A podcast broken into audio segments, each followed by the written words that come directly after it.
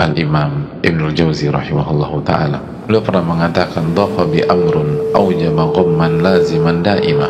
Saya melewati musibah yang membuat seseorang itu nyesek dan menyempitkan menghadirkan kesedihan yang sangat luar biasa yang makan waktu cukup lama. Wa akhadtu ubalik bil fikri fil khalas min hadhil humum dan saya berusaha berpikir keras untuk mendapatkan solusi dari kesedihan yang berlapis-lapis ini. Bikuli hilatin bikuli wajhin.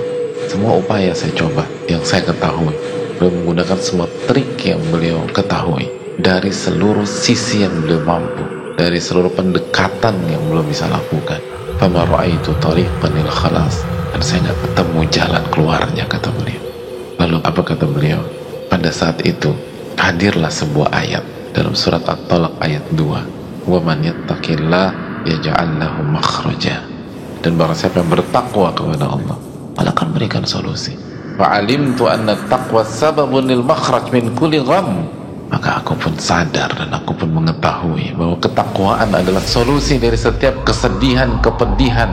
Famakana illa an hamamtu bitahqiqi taqwa fawajadtul makhraja.